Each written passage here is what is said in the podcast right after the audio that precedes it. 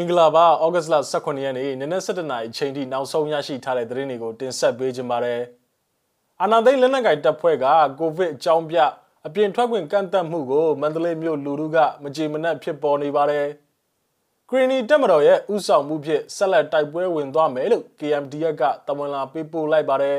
။အကြံဖက်စစ်ကောင်စီရဲ့သတင်းပေးလို့အများကသတ်မှတ်ထားတဲ့အမျိုးသားတို့ဟာတနက်နဲ့ပြစ်သက်ခံလိုက်ရလို့အသက်သေဆုံးသွားခဲ့ပါပြီ။ စတဲ့သတင်းတွေကိုကျွန်တော်သတင်းထောက်ထွန်းထွန်းဝင်းကတင်ဆက်ပေးကြပါမယ်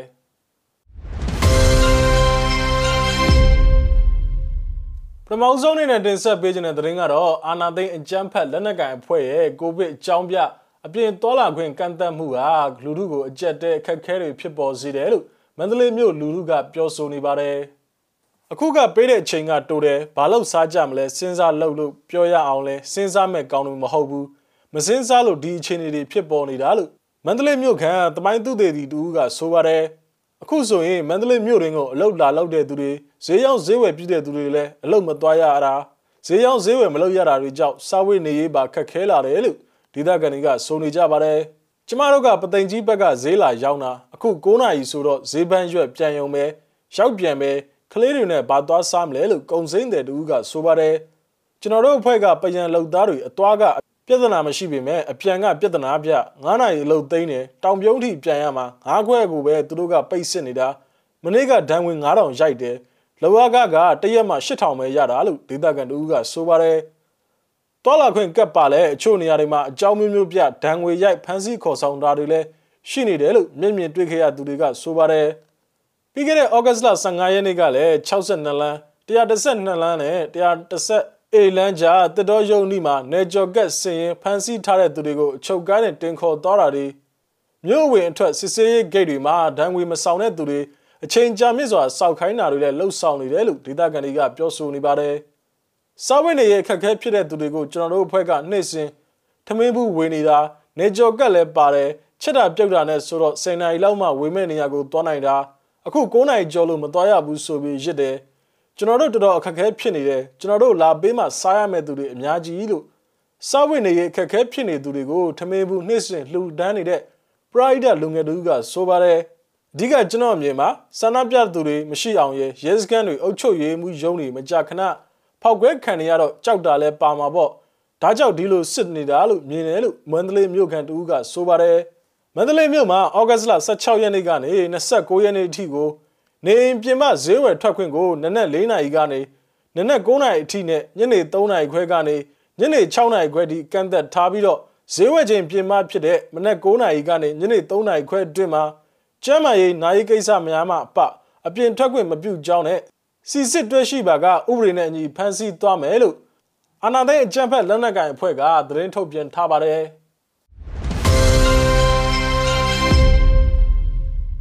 ဆက်လက်ပြီးတင်ဆက်ပေးခြင်းတဲ့သတင်းကတော့အချမ်းဘက်စစ်ကောင်စီရဲ့သတင်းပေးလို့အများကသတ်မှတ်ထားတဲ့အမျိုးသားတို့ကဒီကနေ့မနက်အစောပိုင်းကတနက်နဲ့ပြစ်သက်ခံလိုက်ရလို့အသက်သေဆုံးသွားပြီလို့ဒေသခံတွေကပြောဆိုပါတယ်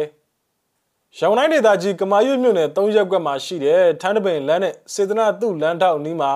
ဩဂတ်စ်လ18ရက်နေ့နနက်9နာရီဝန်းကျင်ချိန်က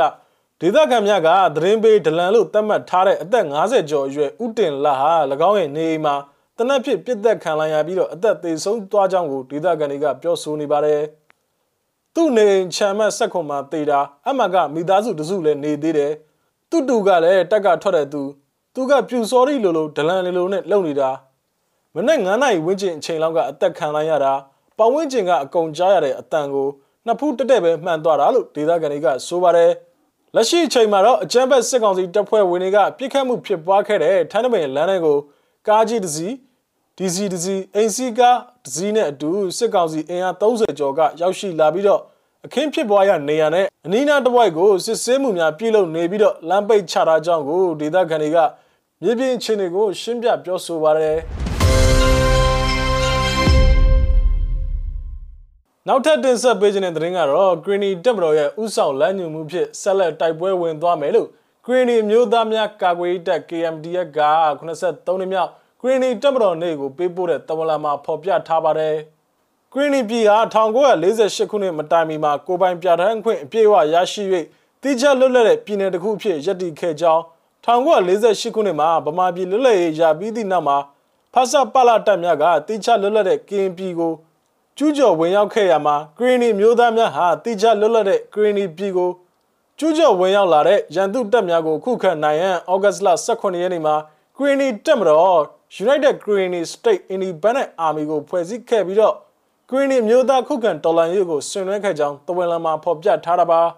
Green တပ်မတော်ဟာ Green တမျိုးသားလုံးရဲ့နိုင်ငံရေးရည်မှန်းချက်ဖြစ်တဲ့မျိုးသားဒန်းတူရေးကိုပိုင်ပြဋ္ဌာန်းခွင့်နဲ့ကံကြမ္မာကိုဖန်တီးခွင့်ရှိတဲ့ Federal Democracy ပြည်ထောင်စုပေါ်ပေါက်ရေးအတွက်ဗမာပြည်လွတ်လပ်ရေးရသည့်1948ခုနှစ်မှစပြီးယနေ့ချိန်ထိ နှစ်ပေါင်း80ကျော်တိုင်တိုက်ပွဲဝင်ခဲ့ရမှာ Green တပ်မတော်ဟာ Green မျိုးသားများရဲ့တော်လှန်ရေးမိရှုတဆောင်ဖြစ်တယ်လို့ KMDF ကဆိုပါတယ်စစ်တပ်ကလက်နက်အားကိုဖြင့်နိုင်ငံတော်ကိုသိမ်းယူပြီးတဲ့နောက်ပိုင်းမှာကရီနီပြည်နယ်တွင်းမှာမေလ20ရက်နေ့ကစတင်ခဲ့တဲ့စစ်ကောင်စီကိုတွန်းလှန်တိုက်ခိုက်သောတိုက်ပွဲများမှာကရီနီတပ်မတော်ကပြည်သူ့ကာကွယ်တပ်များနဲ့အတူရှေ့ထဲမှာပါဝင်တိုက်ခိုက်ခဲ့တယ်လို့ KMDF ကဆိုပါတယ်ကရီနီတပ်မတော်ဟာလူငယ်မောင်မယ်များကိုလည်းစစ်အာဏာရှင်စနစ်တွန်းလှန်ရေးအတွက် အခြေခံစစ်ပညာများကိုသင်ကြားပေးခဲ့တဲ့အပြင်ကရီနီပြည်နယ်တွင်းမှာရှိတဲ့ဒေသအသီးသီးမှပြည်သူ့ကာကွယ်တပ်များနဲ့တိုင်းသားလက်နက်ကိုင်အဖွဲ့အစည်းများရဲ့ညီညွတ်မှုနဲ့ပူးပေါင်းဆောင်ရွက်မှုများကိုအခြေခံပြီးအာဏာသိမ်းစစ်ကောင်စီကိုဥဆောင်တော်လှန်တိုက်ခိုက်လျက်ရှိရာ KMDN နေဖြင့်အာဏာရှင်စနစ်ဖြုတ်ချရေးနဲ့အမျိုးသားဒန်းတူရေးကိုပိုင်ပြဋ္ဌာန်းခွင့်နဲ့ Federal Democracy ပြည်ထောင်စုပေါ်ပေါက်ရေးတို့အတွက် Greeny တက်မတော်ရဲ့ဥဆောင်လမ်းညွှန်မှုဖြင့်ဆက်လက်တိုက်ပွဲဝင်သားမည်ဖြစ်ကြောင်းကို Greeny မျိုးသားများကာကွယ်တပ် KMDN ရဲ့တမန်လာမှာဖော်ပြထားပါတယ်။နောက်ဆုံးအနေနဲ့တင်ဆက်ပေးခြင်းတဲ့သတင်းကတော့စကိုင်းတိုင်းဒေသကြီးကတာခရိုင်ထီးချိုင်မြို့နယ်မှာရှိတဲ့တကောင်းနီကယ်ဆဲအုံမှာဝန်ထမ်းနှုတ်ကတနက်နဲ့ပြစ်သက်ခံလိုက်ရတယ်လို့ဒေသခံတွေကပြောဆိုနေပါတယ်။တရုတ်ဆိုရကယင်းနှမြုံနှံထားတဲ့တကောင်းနီကယ်ဆဲအုံကမြန်မာနိုင်ငံထဲမှာအကြီးဆုံးနီကယ်ထုတ်လုပ်ရေးစီမံကိန်းဖြစ်ပြီးတော့လက်ရှိအချိန်ထိလည်းစက်ရုံလက်ပတ်နေဆက်ဖြစ်တယ်လို့ဒေသခံတွေကဆိုပါတယ်။